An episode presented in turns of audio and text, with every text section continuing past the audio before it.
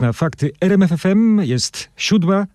Magdalena Wojton i Tomasz Staniszewski są już w studiu. Posłuchajmy razem. Kolejna osoba zatrzymana w śledztwie dotyczącym ataków spoofingowych na osoby publiczne i członków ich rodzin. Zagrożenie pożarem pod ziemią w tzw. ruchu Knurów, czyli części kopalni Knurów Szczygłowice. 59 osób bezpiecznie wycofano wieczorem z zagrożonego miejsca. Czy rząd zabrał 20 miliardów z Funduszu Solidarnościowego? To jest tak, jakby pan premier Morawiecki miał w domu leżącą, leżącą chorą osobę i non-stop wyciągał jej pieniądze z portfela. Kolejna osoba zatrzymana w śledztwie dotyczącym ataków spoofingowych na osoby publiczne i członków ich rodzin, dowiedział się reporter RMFFM. Na początku zeszłego roku wielu polityków, urzędników i ich bliskich odbierało telefony z informacjami o śmierci członka rodziny czy groźbami. Do tej pory oskarżony w tym śledztwie został informatyk z Krakowa, któremu zarzucono pomocnictwo w atakach. Krzysztof Zasada z nowymi informacjami w tej sprawie otwiera fakt o siódmej. Dzień, Dzień dobry dobry. Krzysztofie, kim jest kolejny zatrzymany? To także w mniemaniu śledczych pomocnik ten mężczyzna miał między innymi zamieszczać w sieci instrukcje, jak dokonywać ataków. Prowadzący postępowanie nie chcą ujawniać szczegółów jego tożsamości. Dowiedziałem się jedynie, że to osoba doskonale obracająca się w tajnikach łączności teleinformatycznej jest użytkownikiem Darknetu, nie należy do zorganizowanej grupy hakerskiej, a z moich y, rozmów ze śledczymi wynika, że celem jego działania było uzyskanie uznania innych internautów. Ten mężczyzna z zarzutami dotyczącymi pomocnictwa w stalkingu, czyli uporczywym nękaniu oraz w dokonywaniu fałszywych alarmów przebywa w areszcie. Poprzednio zatrzymany Krzysztof J. czeka natomiast na proces. Sąd po dziewięciu miesiącach wypuścił go z zakrat. Śledczy tę decyzję zaskarżyli. Do sprawiedliwej oceny działań Karola Wojtyły niezbędne są dalsze badania archiwalne. Czytamy w oświadczeniu rzecznika Konferencji Episkopatu Polski po wyemitowanym w TVN24 reportażu Franciszkańska 3. Z tego reportażu wynika, że Karol Wojtyła, zanim został papieżem, miał wiedzieć o przypadkach przestępstw wykorzystywania seksualnego popełnionych przez duchownych i je ukrywać. Oświadczenie przeanalizował nasz dziennikarz Michał Dobrołowicz. Michale, co jeszcze możemy tam przeczytać? Autorzy oświadczenia, ojciec Adam Żak i ksiądz Piotr Studnicki, którzy w konferencji Episkopatu Polski odpowiadają za ochronę dzieci i młodzieży, podkreślają, że dwie zaprezentowane w telewizyjnym materiale sprawy, księdza Surgenta i księdza Loranca, są już znane opinii publicznej od kilku miesięcy i już były komentowane. Dodają też, że trzecia sprawa, księdza Sadusia, została zaprezentowana na podstawie akt służb bezpieczeństwa PRL, a to według autorów oświadczenia nie pozwala dzisiaj jednoznacznie ustalić kwalifikacji czynów księdza.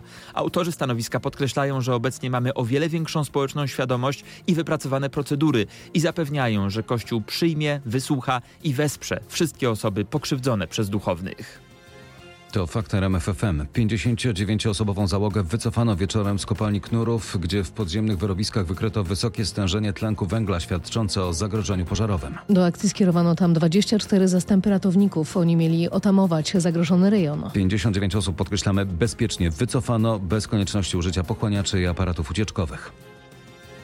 To także są fakty. W Hollywood trwają przygotowania do 95. ceremonii wręczenia W Oscarów. porannych faktach teraz korespondent RMFFM Paweł Żuchowski. Pawle, to jest gorący czas wielu filmowych spotkań last minute. Dzień dobry, do Hollywood zjeżdżają nominowani gwiazdy kina i twórcy z całego świata. Trwają pokazy filmów, spotkania. Media z uwagą śledzą przygotowania do najważniejszej filmowej imprezy w roku. Przyjeżdżają też fani kina, którzy liczą, że zobaczą tu gwiazdy kroczące po czerwonym dywanie. Niektórzy mają właśnie takie marzenia, innym wystarczy już sama przedoskarowa atmosfera. W niedzielę wieczorem czasu lokalnego, czyli w nocy z niedzieli na poniedziałek czasu polskiego, dowiemy się, kto otrzyma najważniejszą filmową nagrodę. Oczywiście trzymamy kciuki za film Jerzego Skolimowskiego, obraz, którego głównym bohaterem jest osiołek, powalczy o statuetkę w kategorii najlepszy pełnometrażowy film międzynarodowy. Zaczynamy poranną rozmowę w faktach i radiu RMF24. Bogdan Zalewski, jego gość. Dzień dobry, witam. Dzień dobry. Moim gościem i Państwa gościem jest Rzecznik Prawa i Sprawiedliwości, poseł Rafał Bochenek. Dzień dobry, panie pośle. Witam wszystkich radiosłuchaczy. Troszkę słabo pana słychać, a już jest dobrze. Tak, zacznę od cytatu, panie pośle. Wszyscy zamieniamy się w słuch. Oto, co wczoraj na naszej antenie powiedziała posłanka Koalicji Obywatelskiej Iwona Hartwich. Fundusz Solidarnościowy zmieniłby nasze życie, życie osób z niepełnosprawnościami. I tak naprawdę PiS odebrał to życie. 20 miliardów PiS ukradł, zmieniając ustawę w 2019 roku. Koniec cytatu. Jak, on, jak pan odpowie na tak poważny zarzut, że pana partia to złodziejka? Znaczy, ja uważam, panie redaktorze, że w tej dyskusji jest za dużo emocji, bo jednak e, sprawa jest poważna i uważam, że jak najbardziej e, trzeba wspierać osoby niepełnosprawne i rząd Prawa i Sprawiedliwości od samego początku to robi. Zresztą patrząc systematycznie na różnego rodzaju świadczenia pielęgnacyjne, zasiłki, mm, e, czy chociażby sam poziom renty socjalnej, która została zwiększona, to jednak to wszystko cały czas idzie do przodu. Na przestrzeni ostatnich lat wzrost, nastąpił gigantyczny wzrost nakładów na osoby niepełnosprawne z 17 miliardów na prawie 40 miliardów e, złotych. O tych, o tych sumach, e, pani, o tych sumach, panie pośle, porozmawiamy w internetowej części naszego programu. Panie redaktorze, jedna rzecz, bo bardzo, i myślę, że bardzo istotna, bo oczywiście z jednej strony mówimy o dużych sumach, ale z drugiej strony chciałbym się skupić na konkretnych postulatach osób protestujących i pani Hartwig, która również w 2018 roku protestowała i wnioskowała między innymi o podniesienie renty socjalnej i zrównanie jej z rentą z tytułu niezdolności do pracy i to zostało zrobione, ten postulat został wypełniony. Dlatego ja uważam, że w tej dyskusji jest za dużo emocji, czasami też być może ale politycy mają prawo do emocji, prawda? Najważniej, najważniej, znaczy myślę, że politycy raczej nie powinni być emocjonalni. Tylko... No ale to jest matka niepełnosprawnego syna także, panie pośle. E, to nie jest tylko polityczka. No, Panie redaktorze, ja tutaj akurat swoje zdanie na ten temat e, mam. E, żal mi po prostu tych dzieci, które tutaj są na korytarzu sejmowym e, targana i mm, muszą spędzać noc w takich warunkach. Bo no widzi pan, że to też jest emocjonalny argument, prawda? Pan też używa takich argumentów, więc znaczy, to jest naturalne. To jest naturalne. Znaczy, ja, ja mam takie konkretne pytanie, panie pośle. Konkret, konkretne pytanie, panie pośle. Dobrze, proszę posłuchać. Czy prezes PiS Jarosław Kaczyński nie powinien osobiście wyjaśnić tę sprawę, i po prostu porozmawiać tak bezpośrednio z Iwoną Hartwig i protestującymi w Sejmie niepełnosprawnymi. Szanowni Państwo, no mamy rząd, mamy ministrów, którzy przecież prowadzą te sprawy. Spotkała się już z niepełnosprawnymi pani, e, pani Ścigaj. Była również konferencja bardzo konkretna pani e, minister Maląg i nikt nie mówi, że tych postulatów nie będziemy brali pod uwagę, bo to są ważne postulaty związane chociażby z tą inicjatywą legislacyjną, którą wniosła pani e, Hartwig. Będziemy się nad nią pochylać. Tak jak powiedziałem, postulaty z poprzedniego protestu 2018 roku zostały w zasadniczej części zrealizowane. Czyli prezes Jarosław Kaczyński nie, nie wybiera się do protestujących? Panie redaktorze, no jest rząd, który ma instrumenty do tego, aby e, podejmować określone decyzje. No ja o to pytam, bo to Prawo i Sprawiedliwość e, no, zostało oskarżone. No, e, ja wiem, że jesteśmy oskarżani o różne rzeczy, ale to są oczywiście bardzo często też nieprawdy i manipulacje wykorzystywane politycznie. Dlatego mówię, że zbyt dużo w tym wszystkim jest polityki, a powinniśmy się skupić rzeczywiście na losie osób niepełnosprawnych. Gdyby rzeczywiście politycy mm, jakby od, oddzielili politykę i osoby zaangażowane w ten proces oddzielili, oddzieliły politykę od y, rzeczywiście celów, które nam wspólnie przyświecają, to myślę, że sprawy dużo szybciej by się posuwały do przodu i zresztą zwłaszcza, że ze strony ministerstwa i rządu nie ma jakiegoś oporu, żeby przystąpić do rozmów na ten temat. to porozmawiamy o tym. Panie pośle, porozmawiamy o tym w internetowej części. Panie pośle, musimy, musimy kończyć niestety naszą część y, y, tutaj w radiu RMF FM, ale powrócimy do, do tej sprawy. Obiecuję panu i słuchaczom. Mówiliśmy do tej pory o, słowach wypowiadanych w emocjach. No, podkreślam, politycy mają do tego prawo jak każdy, ale w dalszej części rozmowy, już wyłącznie w radiu internetowym, spróbuję od posła PiS Rafała Bochenka tak na spokojnie, na spokojnie uzyskać konkretne deklaracje rządowej pomocy dla osób z niepełnosprawnościami i ich opiekunów. Proszę pozostańcie z nami. Nasze radio, przypomnę, znajdziecie na rmf24.pl w aplikacji RMFON. Zapraszam gorąco. Bogdan Zalewski.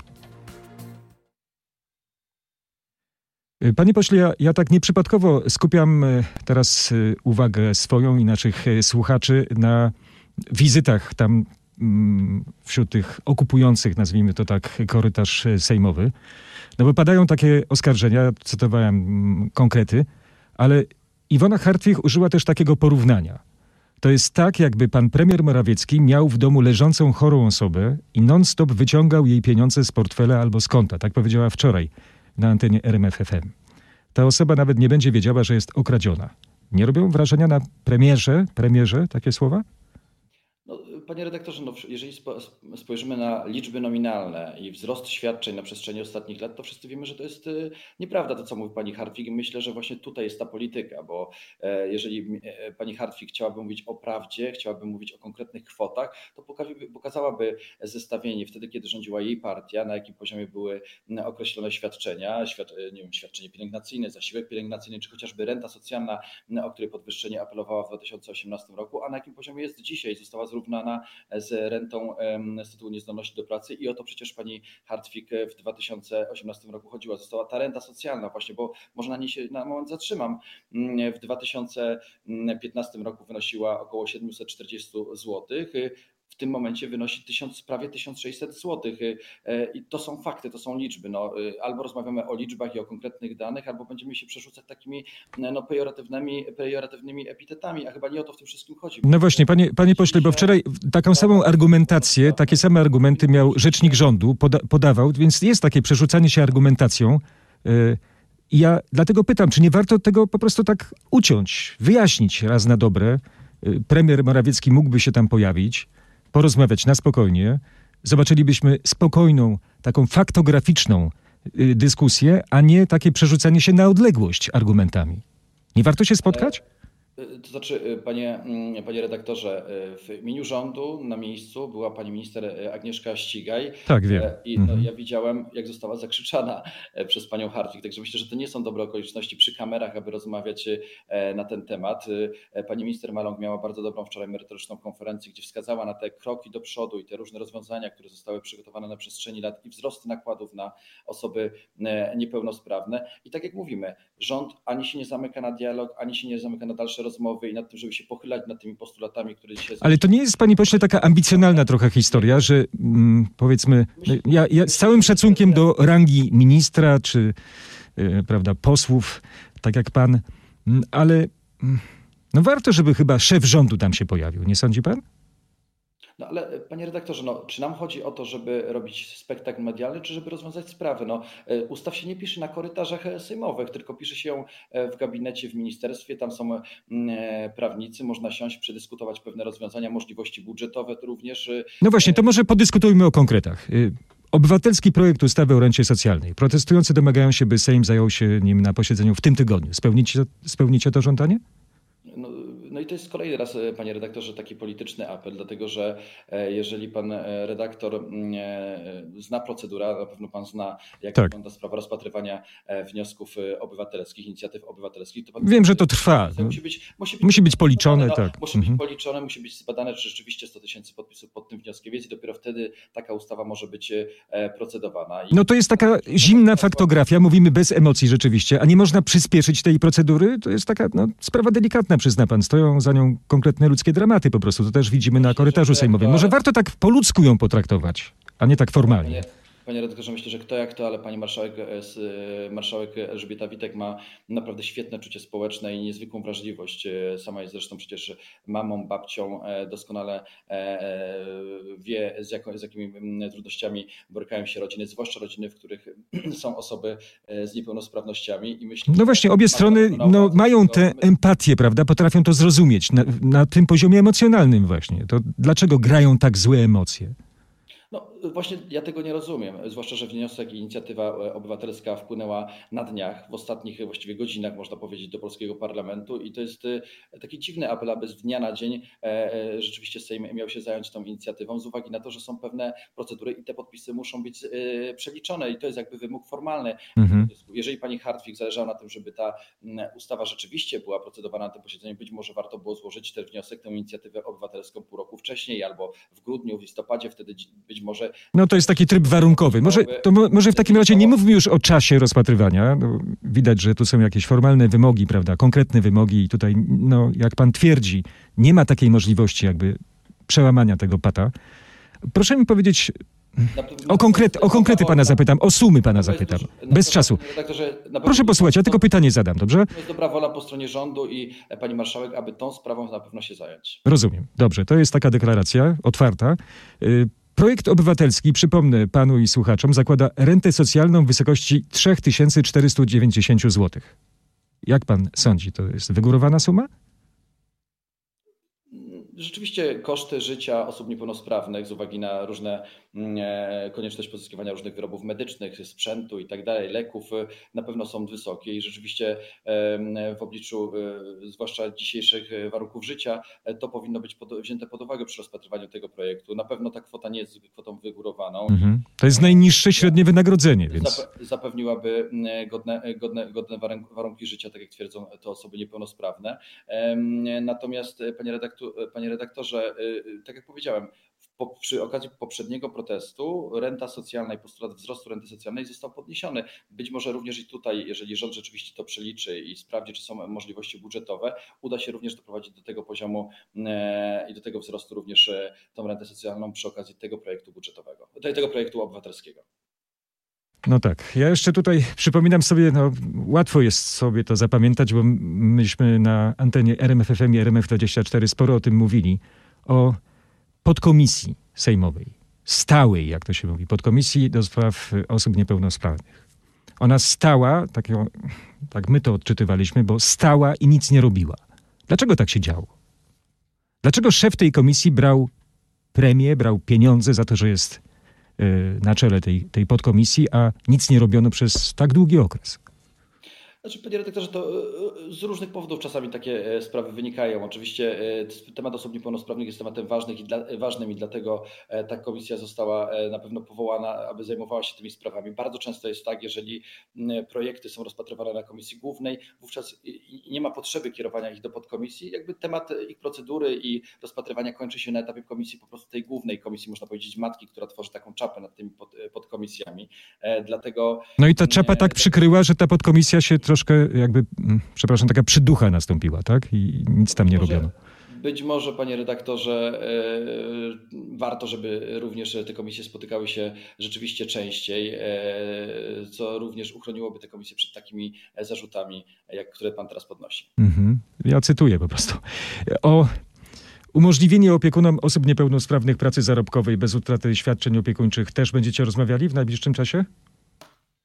Tak, będziemy oczywiście rozmawiali, będziemy rozważali e, te rozwiązania. E, to jest postulat środowiska osób niepełnosprawnych i na pewno jest to sprawa ważna. Osoby, które mogą podjąć pracę, powinny mieć stworzone oczywiście do tego odpowiednie, mm, odpowiednie warunki, odpowiednie rozwiązania legislacyjne. Będziemy również nad tego typu rozwiązaniami e, pracowali. Ale to takie ogólne deklaracje, tak? No bo takie same, mniej więcej słowa słyszymy od Pawła Wdówika, pełnomocnika rządu do spraw osób niepełnosprawnych. Czy ta, ja zadam konkretne pytanie. Czy ta sprawa znajdzie swój finał przed końcem tej kadencji parlamentu?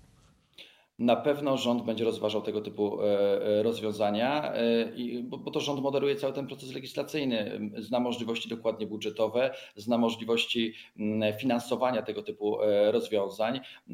No, już dzisiaj tak naprawdę, jeżeli osoby z, pewnymi stopnia, z pewnym stopniem niepełnosprawności są zatrudniane przez przedsiębiorców, są przecież mechanizmy, systemy wsparcia dla tych przedsiębiorców, aby zachęcać ich do tego, aby takie miejsca pracy dla osób niepełnosprawnych tworzyć. Natomiast nad innymi rozwiązaniami oczywiście będziemy się dalej zastanawiać w najbliższym czasie. Ja wspomniałem o kadencji parlamentu, no bo przed nami wybory jesienne, stąd moje pytanie o kodeks wyborczy.